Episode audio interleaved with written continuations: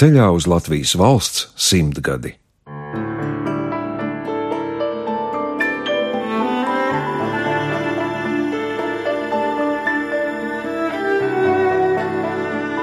Dzimtas saknes.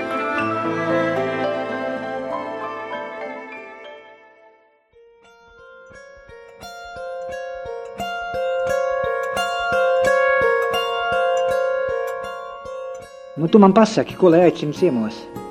Tu mana baznīca, es tev zvanu tornis. Kam šodien grēks sūdze? Zvanu. Kam ticības mācības skanu? Kas šodien piedzimis? Zvanu. Kas šodien nomiris skanu? Ļaudis vairs neticot. Kam skan zvans?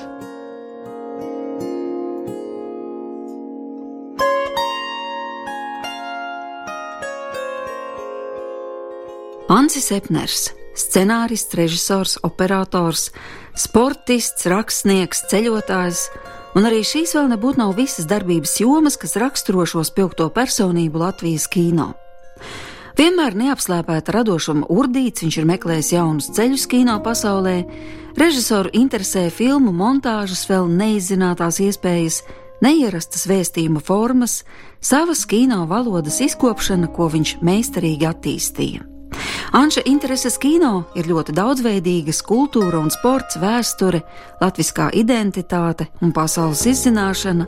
Viņš kļuva par Latvijā pirmo profesoru kino jomā, Nacionālās kino izglītības pamatlicēju un Anša Epnera vadībā Latvijas Kultūras akadēmija absolvēja Latvijā pirmie izglītotie filmu režisori - paudze, kas tagad veiksmīgi turpina savu kino misiju. Ansis Epners ir arī kinematogrāfijas balvas lielais Kristaps iedibinātājs, un pagājušajā gadā oktobrī Latvijas Kultūras akadēmija un Rīgas kino muzejs sadarbībā ar Latvijas Nacionālo arhīvu un Latvijas kinematogrāfistu savienību svinēja meistara 80. dzimšanas dienas gadskārtu, aicinot uz pasākumu ciklu Dzīve numur viens Ansis Epners.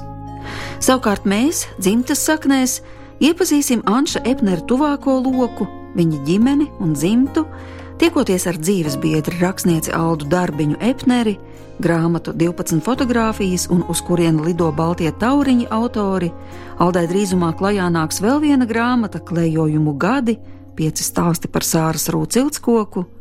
Kopā ar mums ir arī Anša dēls Kristaps un viņa sieva Ieva, radoša mākslinieku Epneru ģimene, kuru darbi labi pazīstami kā Latvijā, tā ārvalstīs, tepat arī Anša meita, flautiste Dagnija Tuča, kas ir skolotāja Rīgas doma kora skolā un jau daudzus gadus spēlē blokflautu senās mūzikas ansamblī Ludus, un ģimenes sajietam pievienojas arī Anšet mazbērni Matīs un Lauma Tuči, kā arī trīsgadīgā Karolīna Epnere, kuru šīs sarunas laikā vairāk gan interesēja citas radošas nodarbes.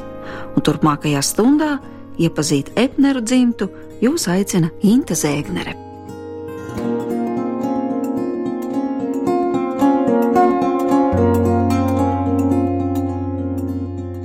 Šī rādījuma nosaukums ir dzimtas saknes, un es gribēju jautāt, cik lielā mērā jūsu dzimtas saknes ir izpētītas?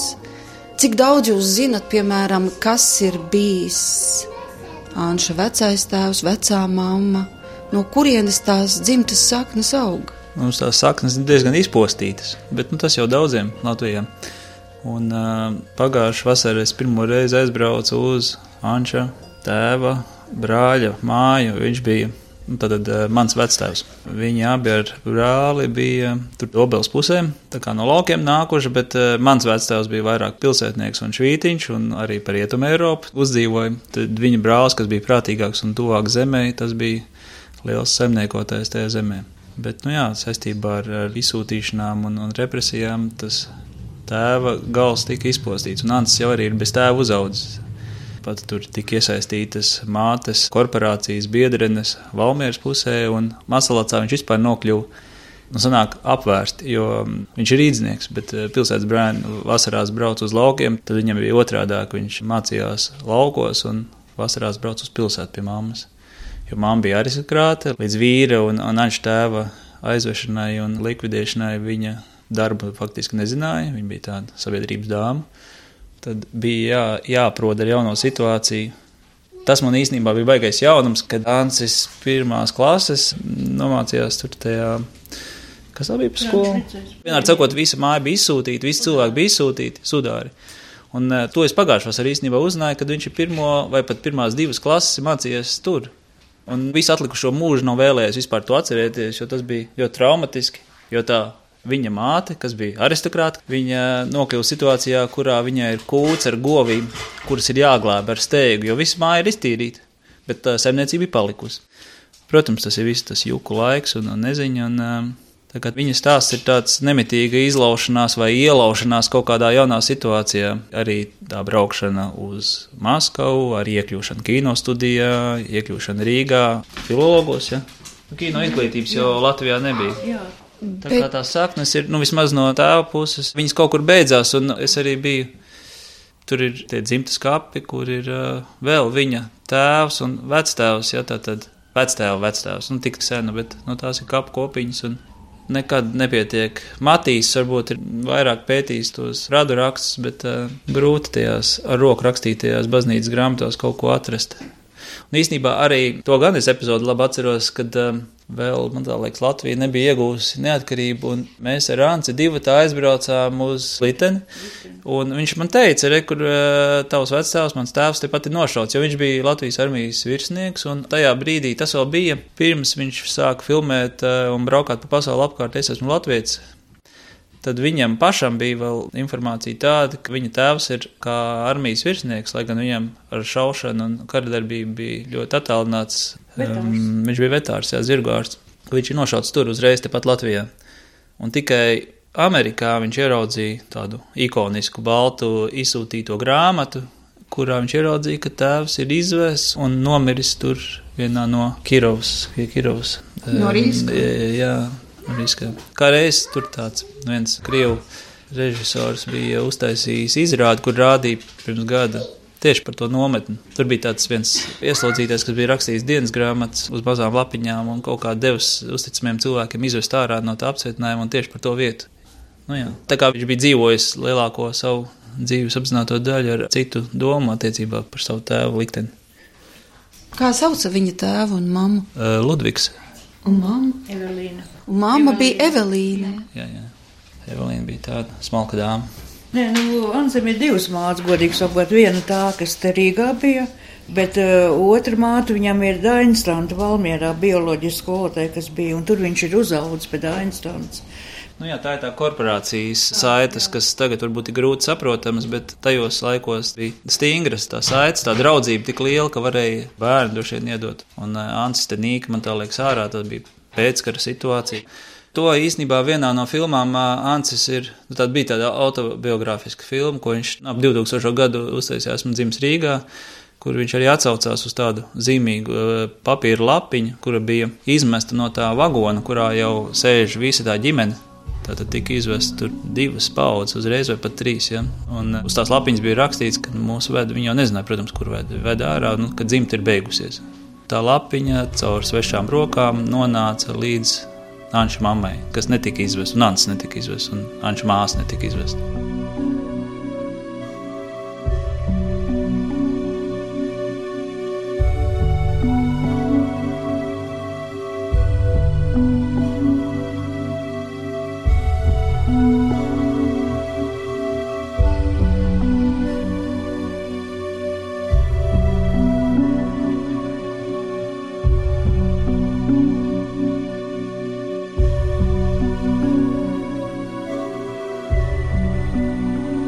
Nospriežot pēc tā, kā viņam dzīves tā līnija, kā viņš ir turpinājies, varbūt tas viņam radīja kaut kādu vēlmi vispār un tādu spāru izties cauri sarežģītām situācijām, iekarot kaut kādas jaunas teritorijas, radošā ziņā un visu laiku strādāt, kaut kā apliecināties. Viņi bija divi brālis un māsa. Un ar ko māsa nodarbojās? Veselības problēmas viņam bija. Un cik ilgi Anša mamma nodzīvoja Evelīna? Viņai bija garš mūžs. Viņai bija garš, vismaz 80. Jā, jā. Jūs vēl atceraties veco mammu Evelīnu? Es atceros ļoti labi viņu, jo viņa bija tāda maza, smalka kundzīte, baltiem lokainiem matiem. Tā man bija tētomīte, un mēs pie tētomītes mūžīgi gājām uz karbonādēm. un otra atmiņa man ir tāda, ka Tad, kad es iestājos pionieros, es tajā dienā biju ārprātīgi lepna, jo iestāties pionieros tas nozīmē, ka tu jau esi liels un vērā ņemams. Un es tagad gāju pa to ielu, metālīts man bija vaļā, tas bija pavasars un plivināja to kaklautu nevarēja saprast, kāpēc neviens uz mani neskatās. Un es tagad tieši tajā dienā es aizgāju pie tētomītes un ar lielu lepnumu parādu to kaklautu. Un es nevarēju saprast, kāpēc viņa nesaka nevienu vārdu, nevienu vārdu viņa nesaka, ja? Un es biju vispār tādu uzmetu slūpu, un tikai ar patreizējo domāšanu es sapratu, kāpēc viņa neko nesaka. Tāpēc, ka tas kaklauciņai saistījās ar daudzām ģimenes ļoti traģiskām niansēm. Jau. Bet tad es biju ļoti aizvainota, ka man neievēro, jo es taču esmu liela. Bet vispār, vai mājās ar jums tika runāts par to, kas ir noticis ģimenē? Man liekas, tas bija Gorbačova periods, jau kad varēja mazliet, bet nē, vispār netika runāts. Un tāds klasisks, man tā liekas, latviešu ģimenes stāsts, kurā kaut kādas tādas personīgās problēmas tiek noslēptas tā iekšējā pretestība jau tika un tā saglabājās. Un pēc tam jau viņa, manuprāt, tava tēta gadījumā izpaudās vēl ar dubultu sparu. Tad, kad bija tā iespēja runāt par lielvārdas jostu, par eh, latvietību, par tautas izdzīvošanu, viņš metās iekšā tajā, var jā, teikt. Jā. Eh, viņš daudz ko viņš vēl Latvijas Olimpisko komiteju ir atjaunojis bijis starp tiem, kas to visu atjauno ar Baltiņu kungu kopā. Un viņš Latvijas atjaunošanas procesā iesaistījās daudzos ne tik uh, radošos kā mākslinieks virzienos, bet ir organizatoriskos. Jā, tautas dziesmas maratons, pieņemsim, tā bija viņa ideja, viņa iecer tas, kas Ansim bija svarīgi, man liekas, bija tā pašrealizācija un savas oriģinālās eh, valodas, kino valodas pierādīšana, jo tas jau arī nebija viegli, jo viņš jau tajā kinostudijā iegāja kā balta avs, jā, viņš ar savādāk vispār piegājienu skatījās, kā it kā to garlaicīgo eh, vai formālo uzdevumu, kas viņam bieži vien tajos kino žurnālos tika prasīts, kā atrast oriģinālu valodu un oriģinālu veidu, kā to pasniegt. Es gribētu vēl piebilst, ka Ansis ļoti veiksmīgi pārdzīvoja pārējais periodu, vecukot tā kā Mainījās iekārts, kad aizgāja viss smagās uzņemšanas kameras projām, kino studija izjuka. Daudz bija ļoti, ļoti apmūsuši tajā brīdī. Naudas nav, kameras nav, Maskava vairs nav, kas pasaka vispriekšā un tā tālāk. Ancis ļoti ātri apguvās. Viņš dabūja viens no pirmajiem to rokas kameru, nu, to video, to vecāko to, jā. Es atceros, ka viņš atnesa pirmoreiz mājā, viņš ilgi un dikti pētīja no visām pusēm. Viņš jau nav tehnisks dabas cilvēks, viņš to nevarēja, bet viņš ieinteresējās ļoti, jā. Viņš izpētīja to rokas kameru, to un to un to, un ļoti ātri paņēma rokā un sāka viegli filmēt. Nekādas kameras, nekādas brigādes vai neko tur aizgāja. Otra lieta, ko viņš ļoti ātri attapās, ko cita neatapa vēl, nav naudas, nav naudas, ko izdot grāmatas, nav naudas, ko kīnos, un ko mēs darīsim, Maskavu nav. Viņš bija reizē darītājs, reizē menedžers, tas ir ļoti reta parādība, mūsdienās tas ir kārtīgi dalīts bet viņš varēja gan darīt, gan būt menedžers pats sev. Un tad viņš apskrēja visas instances, kur var un kur var. Atnāca mājā, viņš teica, jūs pat iedomāties nevariet, cik daudz naudas pasaulē ir. Viņa jāatrod ir. Jā, viņš veikli pārgāja tam periodam pāri, kad citu vēl brīnījās, kur ir šmērlis, kur ir tas, vecākot nekā nav vairāk. Bet viņš ļoti ātri apguva jaunos laikus, jauno tehniku un jaunās iespējas. Cepurnost. Kā jūs iepazināties? Pirmais kurs filologi. 17 gadu abiem diviem. abiem žurnālistika bija, jā, abi braucam kaut kur, intervējam kaut ko. Un tikmēr braucam, intervējam, kam jau precējamies trešā kursā. Viņš vienmēr ir bijis tāds radošs uzjundītājs. Jā, jā no pašsākuma, jau no masalāts, kad viņš bija masalātā, mācījās tur, viņš jau tur bija. Prīma, var sakot, kopā ar Kalvu Zalcmanu, un viņi visi vienā skolā mācījās. Tā kā viņš no laika gala tāds bijis, jā. Kā jūs tikāt audzināti bērnībā? Māma ļoti labi pateica, nekā. Viņa paši notika vienkārši e, atmosfēra ģimenē, viss tas, ko es redzēju, viss tas, ko es dzirdēju. Mūsu mājās vienmēr ir bijis tā kā caursteigāmā sēta, vārdu vislabākajā nozīmē, ja, kad ir vieni cilvēki ir nākuši un gājuši, visi interesantākie cilvēki, vaira vīķi ir bijusi mūsu mājās, tad ir Eletoņa ģitāris, slavenais Andris Kārkliņš mūsu mājās ir bijis, ja. Kas tik nav bijis, es pat nemāku visu uzskaitīt. Jā, Nikolais Bulmans, slavenais mākslas zinātnieks, kurš tagad jau ir aizsaulē, viņi pie mums arī mums ļoti draudzīgas attiecības ar viņiem bija. Ja? Un līdz ar to man tas viss likās pilnīgi normāli un ārkārtīgi interesanti. Un es esmu tētim braukus līdzi arī uz filmēšanām, un es esmu bijusi, jā, es esmu stabulnieku ulu vienā autobusiņā braukus ar Vanzoviču imantu, ka viņš bija pavisam jauns un zaļš, un benzīna tankā aizmirst ģitārīt atstutētu pret, nu visādas tādas lietas bijušas, kas ir ārkārtīgi interesants, jā. Ar Margaritu Vilcānu, ar Ojāru Grīnbergu mēs vienā busiņā esam braukuši. Es esmu bijusi tajā visā peripētijā iekšā, jā. Tāda lieta, un otrs puses man arī visu mūžu ir bijis tā, ka man vecāki vienmēr ir uzticējušies simtprocentīgi. Tikai bijis noteikums, ja tu kaut kur aizēji, nekad nevazājies apkārt pa naktīm, bet tur paliec. Kur esi? Paliec, paliec? Virziens, kur tu esi, un nevazājies pa nakti apkārt. Ja tu tur esi, tad tur paliec, un no rīta gaismiņa nāca mājās. To es ļoti labi atceros. Bet, kas attiecās uz šiem muzikālajiem piedzīvojumiem ar Vanzoviču, Vilcāni, tad vai tās ietekmē tavu izvēli doties uz muzikas skolu, vai tā tomēr bija vecāku Zini, izvēle? Es, nē, tas bija ļoti interesanti. Es vairs neatceros arī, kas tie bija par cilvēkiem. Akā mēs ar tēti kaut kur braucām, un bija tā, ka tētim bija ļoti skaists tenors. Tagad no šodienas skatījuma tenors, bet toreiz man likās kaut kas briesmīgāks nevar būt, jo viņš dziedāja ļoti skaļi un drausmīgi vibrēja.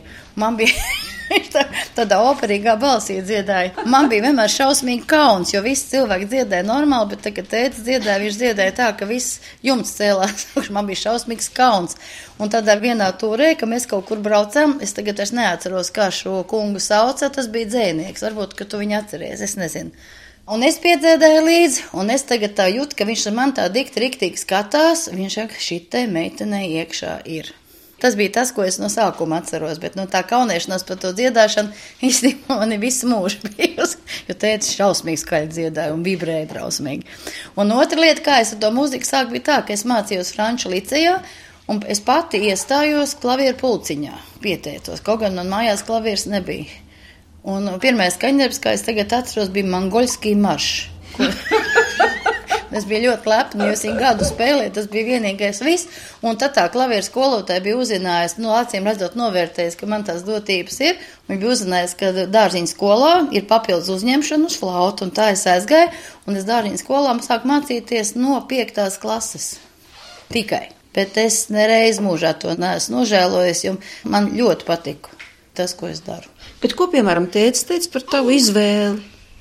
Es pat īsti nezinu, ko viņš teica. Labi, viņš kārtībā, jā, jā. jā, jā, jā. Es atceros, kad tā flauta nezvājā pirmo, tad ļoti lētu kaut kā tādu, un ko skolniekiem dodi. Jā, un atnes mājā, un mēs abi skatījāmies uz tā flautu, nevaram saprast, no kura gala pūst viņā iekšā, daga skatījās no viena gala, no otra gala, jā. Tad viņi dabūja labāku flautu pēc kāda laiciņa, kad man vajadzēja viņu pavadīt uz skolu, jo tā bija dārga flauta ļoti, man bija bailes viņu palaist to bērnu vien pašu tā dārgā flauta, jā. Tā mums ar flautam sakās. Tev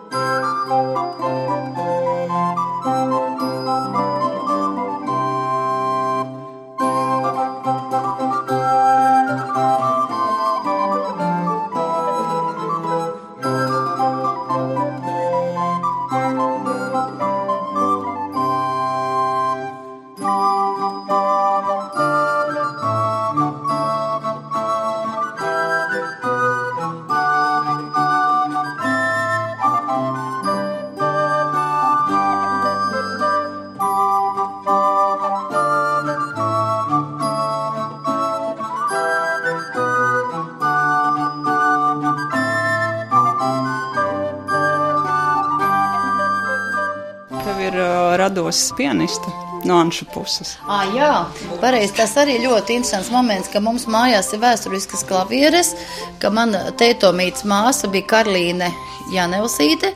Viņa ir bijusi pianiste, viņa ir mācījusies pie Jāzefa Pītols, starp citu. Lūk, tāds interesants fakts arī ir. Viņai bija izsūtīta, vai ne? Uz tām klavierēm es mācījos dārziņu skolā, tad brālis turpināja, Jā. un vēl joprojām tās klavieres stāv jūrmalas Jā, mājā, un jā. turpina mūsu māsītes, Lūcija spēlēt, Karlīna spēlē. Plinkšķina, tā kā tas ir īsts dzimtas klavieres. Jā, tā kā es nu kā no piektās klases sāku tā līdz šim brīdim. Un arī abi tavi bērni, tātad Anša mazbērni, arī kaut kā izvēlējās nevis kinematogrāfiju, bet mūziku. Kas viņam atlika cits? Tā sanāca, jā. Es esmu jaunākais, Lauma vecākā. attīstību vēl bija iespēja kļūt par īso distanču skrējēju.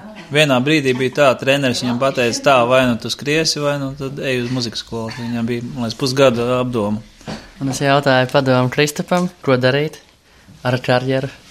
Jā, pēc, pēc devītās klases bija trīs varianti. Vai nu skriet, tāpat kā to dara Kristaps un Ansis to darīja. Ansis bija ļoti sportisks. Un arī mans tēvs ir sportisks, un tēta tētis un tēta brālis. Otrs variants bija spēlēt saksofonu, jo es biju sācis spēlēt, bet klasisko, nevis džēzu. Un, ja es būtu izvēlējies saksofonu, tad man būtu jāiet uz džēza nodaļu, bet es sapratu, ka manī nav tāda bohēma, lai iestātos džēza nodaļā. Un tā es izvēlējos klasisko kordiriģēšanu. Jā, tā es esmu vidusskolā pabeidzis kordiriģēšanu, mūzikas akadēmijā bakalaurā, kordiriģēšanu un arī teikt maģistrā turpina apgūt kordiriģēšanu. Kas ir tavi kori? Mans kors ir uh, Rīgas domas zēnu kors, kur es pats nodziedāju no pirmās līdz pēdējai dienai, līdz balss lūzumam. Un tas lokus ir noslēdzies tā, ka es šajā skolā esmu arī sācis strādāt. Tad uh, esmu Mārtiņa Klišāna asistents, kormeistars. Un nu, pat šogad arī man bija tādi pirmie trīs koncerti, kurus varēja arī zēns diriģēt, un par to es priecājos, jo nu, viens ir mācīt notis un asistēt, otrs arī koncertos tomēr diriģēt. Tad man pašlaik ir arī Rīgā Tonkalna draudzes koris, Rīgas Lutera draudzes koris un Latvijas bankas koris. Un tad vēl es izbraucu vienu reizi nedēļā uz Talsiem, jo tālsos ir grūta situācija ar vietējiem diriģentiem. Tad mēs esam viens busiņš, kas brauc uz tālsiem. Tad es trešdienās pavadu tālsos un diriģēju tālskori. Un laumai? Man arī ar mūziku ir sākusies viennozīmīgi dzīves ceļš, bet, nu, ja mums ir stāsts par Ansi, kā par manu opu, tad man, manas bērnības kopā ar opu ir divas lietas - šahs Opu iemācīja spēlēt šahu. Mēs daudz spēlējām šahu, un es, es arī ļoti daudz skatījos. Un spilgtākās atmiņas ir par to, kā viņš kopā ar Albertu Belu spēlē šahu. Viņiem bija tādi turnīri, viņiem bija viena garā spēle, pa svētdienām, vai ne? Omiņa spēlēja. Viņiem bija viena garā spēle, tā man tā kā mazāk interesanti likās, jo es nespēju kā bērns izsekot līdz tām viņu kombinācijām. Un tad viņi spēlēja tādas uh, ātrās spēles pa minūti vai pa divām, un visu laiku to pulksteni sita. Un es šausmīgi pārdzīvoju, jo es redzēju, ka tas Alberts Bels viņu tā kā, nu nevis tā kā rupi ceko tā kā čakarē, bet viņš nedomā, kur viņš iet, viņš tikai sit to pulksteni. Un opa visu laiku zaudēja, jo laiks beidzās, tāpēc, ka viņš mēģināja vēl domāt kaut ko. Un Bels tikai gāja, gan es opam saku, bet tu, tu nedomā tik ilgi, tu ej. Un tad es ļoti pārdzīvoju. Bet jā, es vēl joprojām, um, man liekas, esmu viena no retiem arī draugu lokā, kas īstenībā prot spēlēt šahu. Man dažreiz ir grūti atrast, man ļoti patīk īstenībā. Un otra lieta, man opa ļoti parādīja tādu plašu pasaules elpu un lielu dažādību. Viņa istaba bija tāda, kur bija pie vienas sienas Jēzus Kristus, pie otras Dalai Lama, kaut kādas mandelas, grāmatas, lielvārdes josta, afrikāņu maskas. Nu, manās atmiņās viņš ir cilvēks, kuram bija tāda absolūta pasaules un cilvēku un dažādības mīlestība. Jā, un es arī esmu ar citu mēģinājusi ar kino darboties, un arī mūzikas akadēmijā mācoties dažādi projekti, bet liels piedzīvojums bija, es aizbraucu uz Zviedriju studēt veselu gadu, un Zviedrijā es sapratu, cik liela nozīme ir tam, kur tu mācies un kā, ne tik daudz arī ko, bet kā un kur. Un tā man radās arī liela interese par pedagoģiju. Un atbraucot atpakaļ, nu, jo Ansis arī bija īstenībā brīnišķīgs pasniedzējs kinošņikiem, ja, Latvijas. Un atbraucot atpakaļ, es, jā, es iestājos iespējamā misijā, izglītības programmā, un es sāku mācīt mūziku. Un tāpēc ļoti arī priecājos, mēs šogad arī visi ģimeni bijām kopā uz OPA 80 gadu -hmm. pasākumu, kad atklājām kultūras akadēmijas kino skolu. Tas man arī tāds milzīgs prieks, kad arī OPA ieguldījums ne tikai mākslas tādā bagātībā, bet īstenībā arī izglītībā, kad mums beidzot ir arī īsta skola, kur mācīties kino Latvijā. Bet kāds tad ir tavs instruments? Man nav, es. kādreiz taču droši vien bija. Kādreiz bija. Es arī sāku ar klavierēm. Tad es mācījos pie viena no brīnišķīgākajiem skolotājiem, kāds man vispār dzīvē ir bijis pie Andra Arnicāna fagota spēle. Un pašlaik mans instruments ir uh, otrais salds pie brāļa korī. es dziedu pie brāļa korī. Ansis pats spēlē kādu instrumentu? Nē, nespēlē. Nē. Viņš tikai skaļi dziedājumu vibrēja. Divi iebildumi par klavieriem un par šāhu, ja es varu komentāru kaut kādu. Eh, Klavieris man arī bija klavieris. Es desmit gadus klavieris mācījos spēlēt, jā. Bet tās klavieris es dabūju pārdot. Ja tā kā mēs ar Ansu apprecējamies, mums nebija kur dzīvot, un mēs nopirkam par to naudu dzīvokli, jā. Mans klavieris aizgāja dzīvoklī, jā. Un otra lieta par šahu, pa Kristopani atmiņas, kad Ants ļoti gribēja iemācīt Kristopu spēlēt šahu. Viņi ap divi sēdēja pie galda Ants vienā pusē, Kristofs maziņš otrā pusē, un viņi tagad, viņš māca figūras, tur stāv, tur jāiet un tā tā. Kristofs sēž, sēž, paņem abas zirgus, noņem no galda nost. Tas Ants prasa, es biju klāt. Viņš tā, tā, kur tie zirgi tev aizgāja? Paēsties zālīti ganībās. es sapratu, ka viņš šahīs laikam nebūs Kristofs, viņš būs mākslinieks noteikti vispār, jā. Jā, bet ja vēl par to audzināšanu. Tad, eh, vai tad nebija tā, ka, piemēram, tētis ņēma līdzi kaut kur savos darbos, tā kā uz kino studiju parādīt, kā izskatās montāža, vai varbūt ļaut pašam kaut ko pamēģināt? Bija, bija. Man gan kaut kāds kā, nosēdums mazliet, ka es jūtos mazliet apbežots ja, par to eh, tēva klātbūtni manā audzināšanā. Varēja būt vairāk.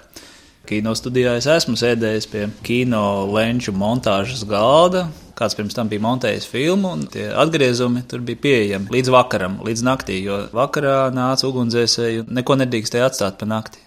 Un tad līdz ar to bija darba dienas beigas, dažas stundas, droši vien, ka tas bija pēc skolas līdz, līdz vakaram, kurā es tur taisīju savus pirmās filmas. Tu vispirms sašķiro, izanalizē, un tad sāc lipināt kopā, nu, tu veido savu stāstīņu.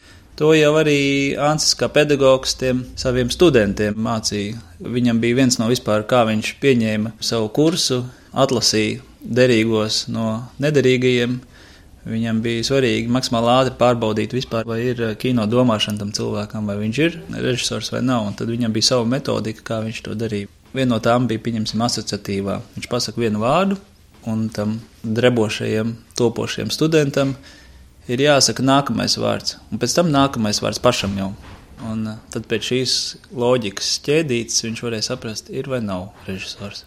Tad, kad sabruka ieniekārta, parādījās jauni noteikumi, tad nekā jau nebija tehniskās bāzes, vispār nebija. Anna Lidulē stāstīja, ka viņi montēja skolā, tātad augstskolā, kur iegūst diplomu, viņi montēja ar krītiņu stāfeles filmas.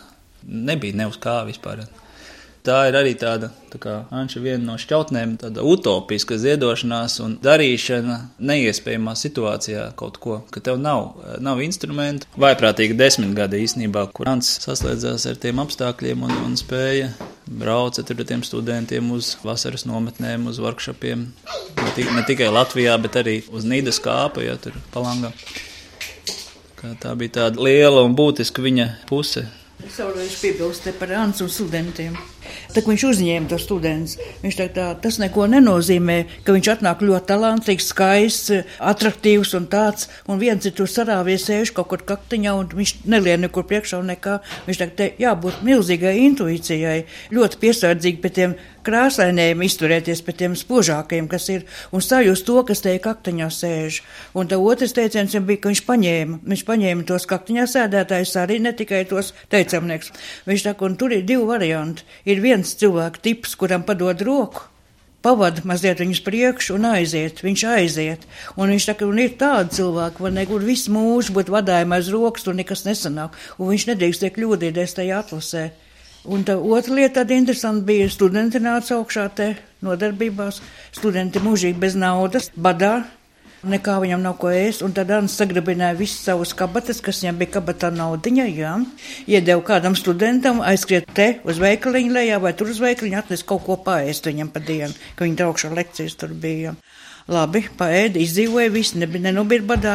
Vakarā vai no rīta Ancis zvana kaut kur aizņemties naudu, ka viņam vairs nav naudas pašam, viņš visu deva studentiem pusdienās, jā. Tā mums gāja uz riņķi, bet tas bija interesanti.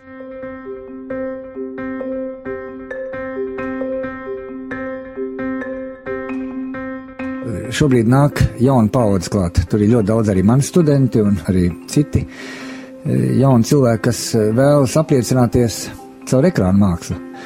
Un man šķiet, ka te ir ļoti daudz arī tādu negaidītu un interesantu pārsteigumu. To, ko es protu un esmu iegūmis, esmu visu mēģinu atdot, un ja viņi pieņem vai, vai sajūta, vai jauns cilvēks nāk, viņš jau negrib tieši pieņemt, viņam jāatrod savu valodu, un tāpēc arī mācot, man ir tāda sistēma, ka es mācu jaunos kino cilvēkus, pirmajā gadā, pirmajā pusgadā loba nost visu to, kas ir aplikts apkārt ar civilizāciju, ar sabiedrības dažādiem uzskatiem, un tā kāpostu lapa čaula, kas ir kamēr tiek līdz pašam koduliņam, vai tā kā pērs vai sīpola mizei jā, jānolop. Pa, paiet diezgan liels laiks, un tad, lai viņi paši saprot, kas viņam katram jādara, un, un man tas šis process ļoti patīk. Es vienmēr to citēšu, jebkurā intervijā un jebkurā publiskā uzstāšanās reizē, kad runās pie jaunajiem, ir jāiedod starta laukums šim lidojumam.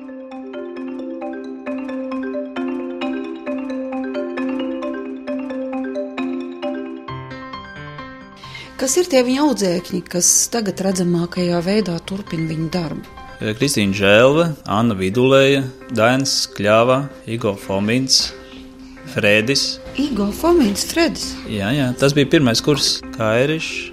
Ivars Zviedrs ar noteikti. Ivars Zviedrs, jā, Ivars Zviedrs bija tas students, kurš pie Anča palika, un viņi daudzus gadus kopā bija vienā telpā, vienā studijā, kopīgi strādāja. Kurā brīdī viņš nodibināja savu studiju Ave? Ave sākās ar uh, būri. Tas ir tāds viņa sīzifa akmens, ko viņš ir stūmis kalnā trešdaļu savu mūžu. Tā ir filma, kuras uh, stāsta pamatā ir Alberta Bela romāns. Ja? Un viņš ļoti mocījās gan pats, gan cīņā ar to cenzūru vai akceptu veidot šo filmu. Viņam neļāva to filmu filmēt. Un tad viņš gadiem ilgi, vasarām ilgi, mēs dzīvojām Bigonciemā. Šķūnītī viņam bija darba telpa, kur viņš ar Viktoriju Ansonu tur plēsdam matus pārstrādāja scenāriju pēc scenārija, un atkal tika noraidīts, atkal tika noraidīts. Tad tur ir komiski, vienmēr sakot, slavenā banka Baltija. Tad, kad viņi bija zirgā, tad, kad tās naudas bija, viņi iedeva nepieciešamos, ja nemaldos, 50 tūkstošus dolārus, lai varētu samaksāt honorāru Austrālijā dzīvojošam latviešu aktierim par spēlēšanu filmā. Ja. Beidzot parādās iespēja, ir tie 50 tūkstoši dolāri ir iespēja realizēt savu mūža sapni. Un viņš viņu realizēja. Jā. Tā ir arī viena no manām spilgtākajām bērnības atmiņām. Es, es biju filmēšanas laukumā, būrim. Un es ēdu to ēdienu no katliem, kas bija savārīts aktieriem. Man kā bērnam, laikam, viss interesantākais likās, ka es redzēju tos nabaga cilvēkus, kas līmēja lapas kokiem klāt. Jo tur vajadzēja, kad ir vēl rudens, bet bija nobirušas lapas jau. Un es braucu ar tēti, prasīju, ko viņi dara. Un viņš man mēģināja skaidrot, nu, ka tas ir vajadzīgs mākslinieciski, jo tās lapas jau ir nobirušas, bet pēc scenārija tur vajag, ka ir vēl kokos.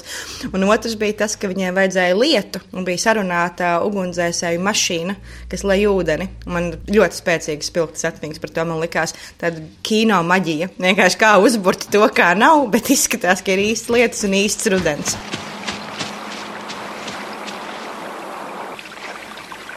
Un, ja nu pienākusi mana atmaksas stunda, Līdz šim nekad nebija ienācis prātā, ka par visu reizi vajadzēs norēķināties. Viss tik viegli nācis. Mūsu pārņēmusi izlikšanās spēle. Lai taisītu karjeru, sasniegtu labklājību, nodrošinātu vecumdienas, izliekamies, kad dzīvojam. Radām drošības sistēmas sev visapkārt, dzīvodami pašu uzbūvētos būros.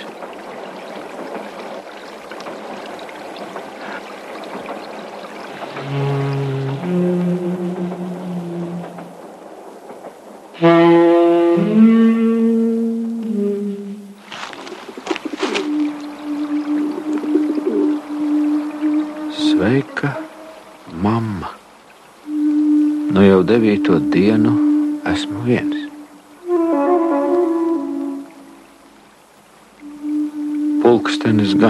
apstājies.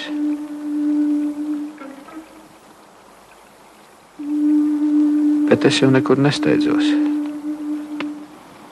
Man vēl ir malka un uguns, vāru sēņu zupu, krīt lapas, lieku tās migā. Nav nemaz tik slikti pārmaiņas pēc padzīvot svaigā gaisā. Vispār te tā badošanās nāk par labu.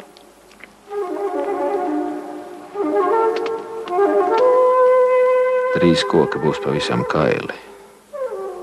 Varbūt tad mani ātrāk ieraudzīs.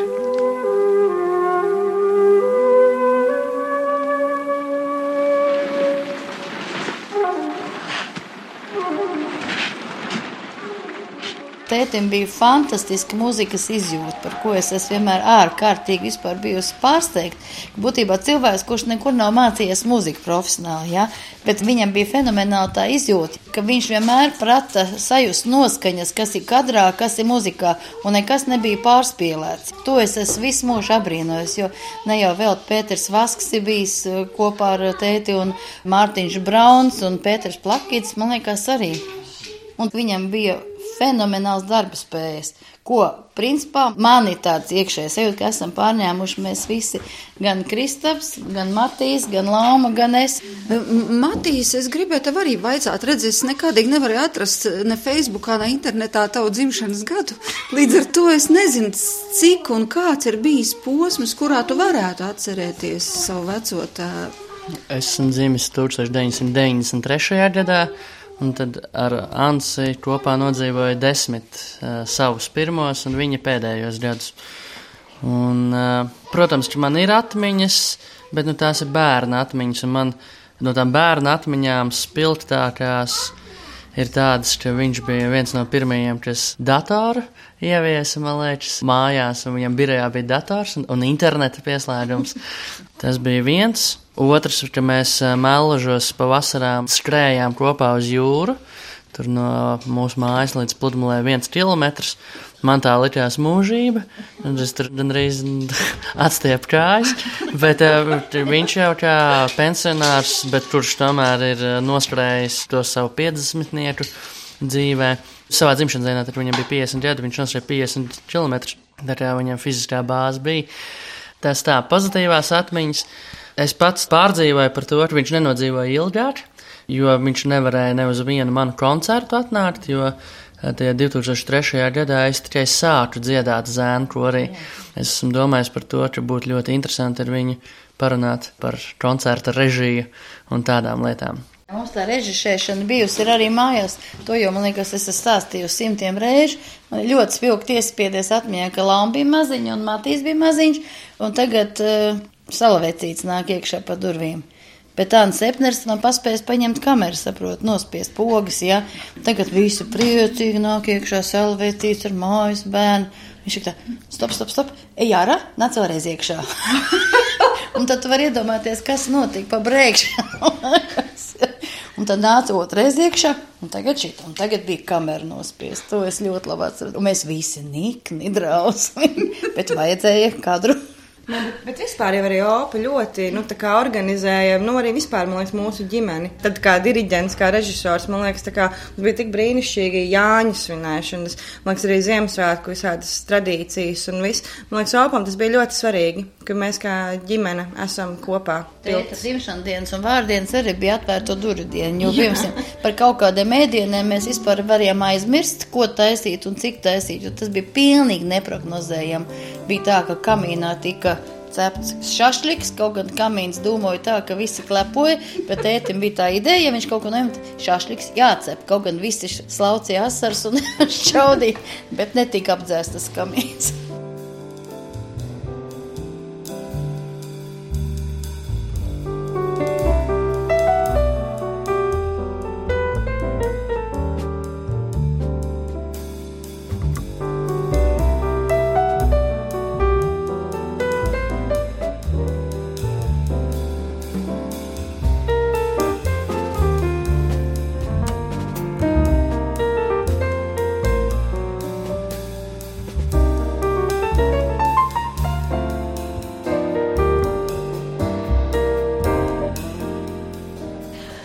Man ir liels prieks, ka es esmu sastapusies ar absolūti radošiem cilvēkiem pilnā apjomā, sākot no pašas mazākās karlītes, kas visu laiku darbojās gan ar suni, gan ar bumbu, gan ar visādiem citiem priekšmetiem. Un, protams, ka vēl Ieva nav teikusi nevienu vārdu, un Ieva ir uzvārds Epnere. Tātad tu esi ienākusi Epneru ģimenē. Ar kādu sajūtu tu ienāci? Es atceros spilgti epizodi. Tas bija vēl studiju laiks, otrais kurs. Mēs ar Kristofru mācījāmies kopā akadēmijā, tur arī iepazināmies. Un tad kaut kāds pasākums, un pa ceļam vajadzēja ieskriet Kristofru mājās. Un 22. dzīvoklis. Pirmo reizi ejam iekšā, protams, stress nenormāls, tēvs māte būs, bet kaut kā tas nebija tā oficiāli iepazīstināšana, bet kaut kā tā garām skrienot. Un es atceros, man bija pilnīgs šoks. Es ienāku iekšā, un tur ir dzīvnieki, tur ir divi suņi, tur ir truši, tur ir jūras cūks. Es domāju, kas tas par trakumu te notiek, un vēl akvārijas kaut kur fonā. Un tad cilvēki, man liekas, toreiz arī bija ļoti daudz cilvēku mājās. Un pirmais iespējas man bija, ka šī nav parasta ģimene. Un tas bija uzreiz skaidrs, ka te būs jautri. Tā arī varētu teikt, ir vēl šobrīd. Bet uh, kādi spilgtākie momenti no viņa palikuši atmiņā? Ir palikuši daudz. Un viens no tādiem varbūt mazliet amizantiem. Mums ar Kristapu bija kādreiz tāda dizaina aģentūra. Kristaps bija direktors, saucās Depo. Vēl pirms veikala depo, starp citu. un um, Kristapa darbs bija nominēts Zelta Amuram, tas tāds reklāmas uh, Oskars. Un tad bija jāiet uz Dēls teātru, kur ir atklāšanas ceremonija, balvas pasniegšana. Un Kristaps ar uh, Kasparu Brambergu, viņa kolēģi tajā laikā, iznomāja prāta vētras eh, kostīmus no elites patmalnietes. Tik ļoti viss bija satraukšies. Tā bija pirmā reize tāds gods. Un man, ar, protams, jātur līdzi. Man bija tāda melna gara kleita ar kapuci. Un es atceros, Anna vēl gribēja visu nokontrolēt, kā mēs izskatīsimies. Viņš saka, nē, tā kaut kas vēl trūkst. Vajag akcentu. Viņš paņem kompaktdisku, uzliek tādu striķīti un liek man kaklā. Es domāju, šausmas, nē, es tādā skatā nevaru. Protams, ka es viņu neliku, bet nu, tas ir viens no ieskicējumiem, kāds Ansis bija. Viņam vajadzēja salikt visur punktiņus. Viņš uh, nevarēja visu palaist. Krīsovs arī no Anša kaut ko ir pārmantojis savā raksturā. O, to trako strādāšanu arī. Jo man Ansis asociējas ar cilvēku, kurš neguļ. Visu laiku ko raksta, skatās, lasa, un uh, Kristaps to pašu turpina. Mums ir trakā sportošana. Spor, jā, sportošana, jā, jau vēl sportošana, strādāšana. Un... Bet tīri tādā radošā pieejamā, piemēram, pieejamā. Jā, jā Kristaps ar vien vairāk darbojas ar kustīgo attēlu. Tas, domāju, arī ir pārmantots un sanāk labi, ar vien labāk. Tātad Kristaps strādā pie ļoti interesanta projekta, kas arī man liekas tāds drusku uz dokumentālo vairāk, un Ansim varētu patikt, es domāju. Tie tēti pēdējie gadi bija ļoti trauksmēni. Nu, vai nu viņš juta, nu, acīm redzot, iekšēji kaut kur jūta, ka tas posms nebūs garš dzīves. Jā. Un tad viņš jūrmalēs atrodas kaut kādas pēdējās vasaras. Viņš praktiski nebija. Viņš praktiski nebija, jo viņam bija jāstrādā, jāstrādā, jāstrādā. Bet man viena epizode palikusi apņā, ka viņš atbrauc uz trīs dienām. Pirmā dienā viņš pazuda savā turnī, vispār durvis bija cieta, viss. Otrajā dienā viņš sāka tur stāstāpīties uz tās terasīs, un trešā dienā viņš jau bija nervos, ka man neviens nezvan, apmēram tā es nevienam neesmu vajadzīgs, un tad viņš pazuda. Viņš nevarēja nosēdēt nevienu mirkli mierā. Bet jums kādreiz ir sanācis tā apsēsties un parunāt, piemēram, nu, kas tā dzīve tāda ir? Man bija 2001. Eh, gadā brauciens ar viņu kopā uz Himalaju, piekāja Indijā. Un uh, es par to baigi priecīgs, ka tāds izvērtās. Tur bija vesels nepilns mēnesis, kurā mēs bijām divi, un tad bija sarunas par dzīvi. Jā. Viņš necieta kaut kādu netaisnību, necieta melus, un viņš nebija tusētājs, lai gan viņš bija ļoti aktīvs un ļoti komunikabls cilvēks. Tāpat laikā viņš bija, nu, viņš bija tāds darba zirgs. Tas vārds Ansis jau arī tas ir zirga vārds patiesībā. Bija daudz situācijas, kuras viņš pieminēja, kā viņam bija grūti. Ja?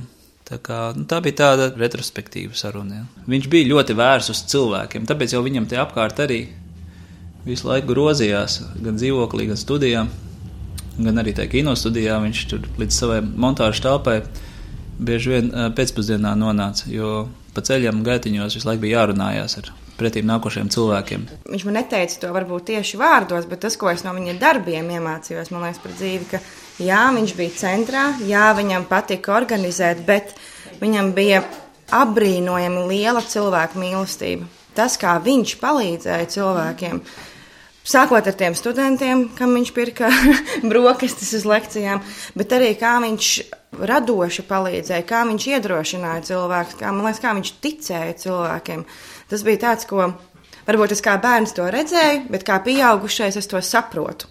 Un daudz tādu cilvēku nav. kuri paši ir lieli, bet kuri arī nebaidās citiem palīdzēt un kļūt lieliem. Man bērnība jau arī bija tā, ka es daudz gāju, jo bija viena lielā zolitūdas māja. No opera Roma dzīvoja vienkārši vienā kāpņu telpā, un nu, mēs ar vecākiem otrā, nu, līdz Matīs, man liekas, piedzimšanai, vai ne? Un tad es diezgan daudz laika, nu, kā jau pie vecvecākiem pavadīju, un pēc tam šeit arī mierielā mēs kopā dzīvojām, bet uh, man liekas, ka es arī diezgan daudz esmu izbaudījis līdzīgi kā mamma stāstīja, kad vienkārši esot klāt, ne jau tas, ka opera Roma kaut ko speciāli mums tur būtu rīkojuši, vienkārši mums vienmēr ļāva būt kopā.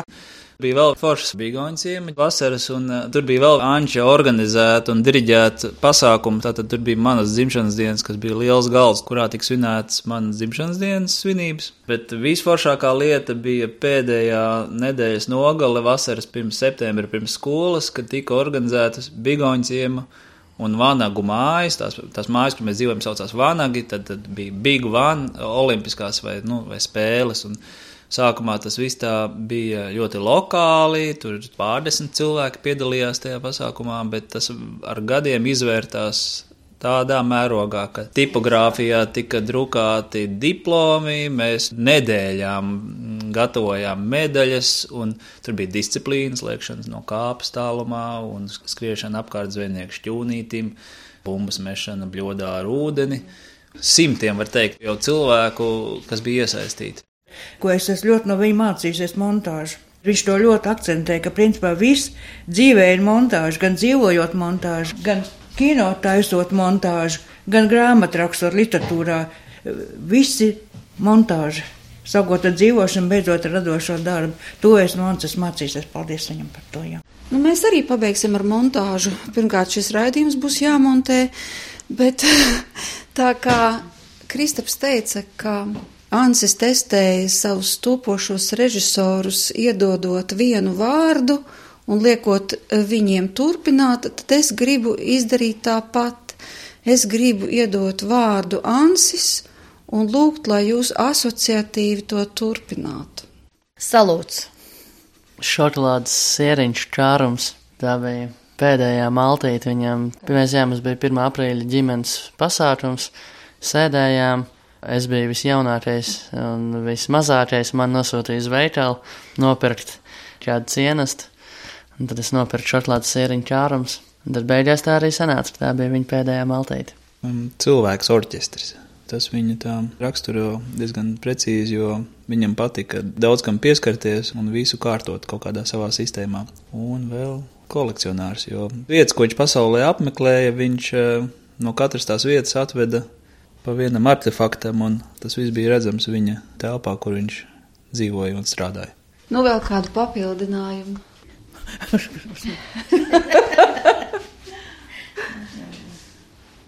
Neviena tikšanās dzīvē nav nejauša.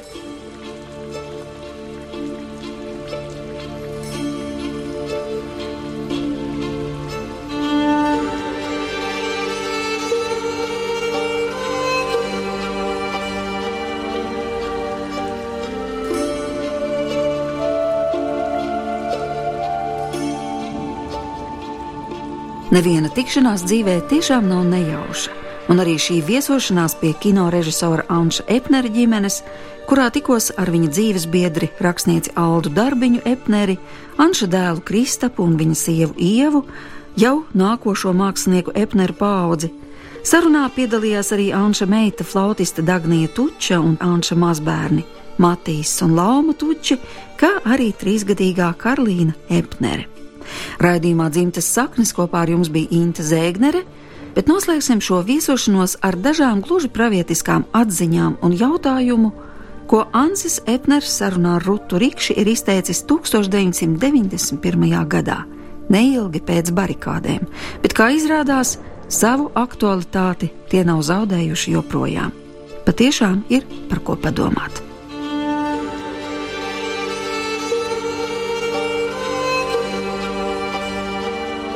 Pašlaik ir traģisks brīdis kultūrai, inteligencei, un es negribu atkārtoties to, jo mēs tagad dzirdam un rakstam, un šķiet, ka gatavojas nākošās atmodas lēciens vai spēriens, varētu teikt. Varbūt, ka vēlreiz vajadzīgs viens karognesējs, noteikti mums šobrīd trūkst karognesēji. Un vajadzīgi ir inteliģents atkal tāds spēka uzliesmojums.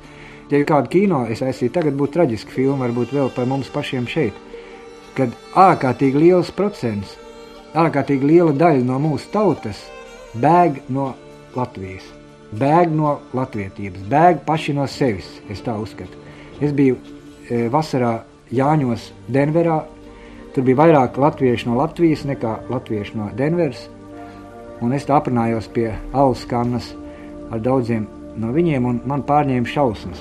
Un ne tikai tur, bet arī citur. Cik ārkārtīgi viegli cilvēks materiāla labuma dēļ un šī dolāra pēc atsakās no savas dzimtenes. Tas ir Latvijā nebijis vēsturisks process. Nekad Latvijas visgrūtākajos laikos nav bēdas no savas dzimtenes. Latvijas šobrīd pielīdzinās tam pašam migrantam, kas bēg no Krievijas uz labāku dzīvi meklējot, un tas man satrauc, cik tad mēs esam. Kas tad būs tie, kas šeit paliks un mocīsies, un cīnīsies, un darbosies, un nervozēs, un histērijā atradīsies kopā ar daudziem citiem, lai izdzīvotu ar savu ģimeni? Tas ir traģisks process, un es domāju, ka pašlaik ir ļoti spēcīgs un ārkārtīgi skarbs jautājums jājautā visiem, kāpēc tu bēdz no Latvijas? Atbildi pats sev, kāpēc tu bēdz no Latvijas?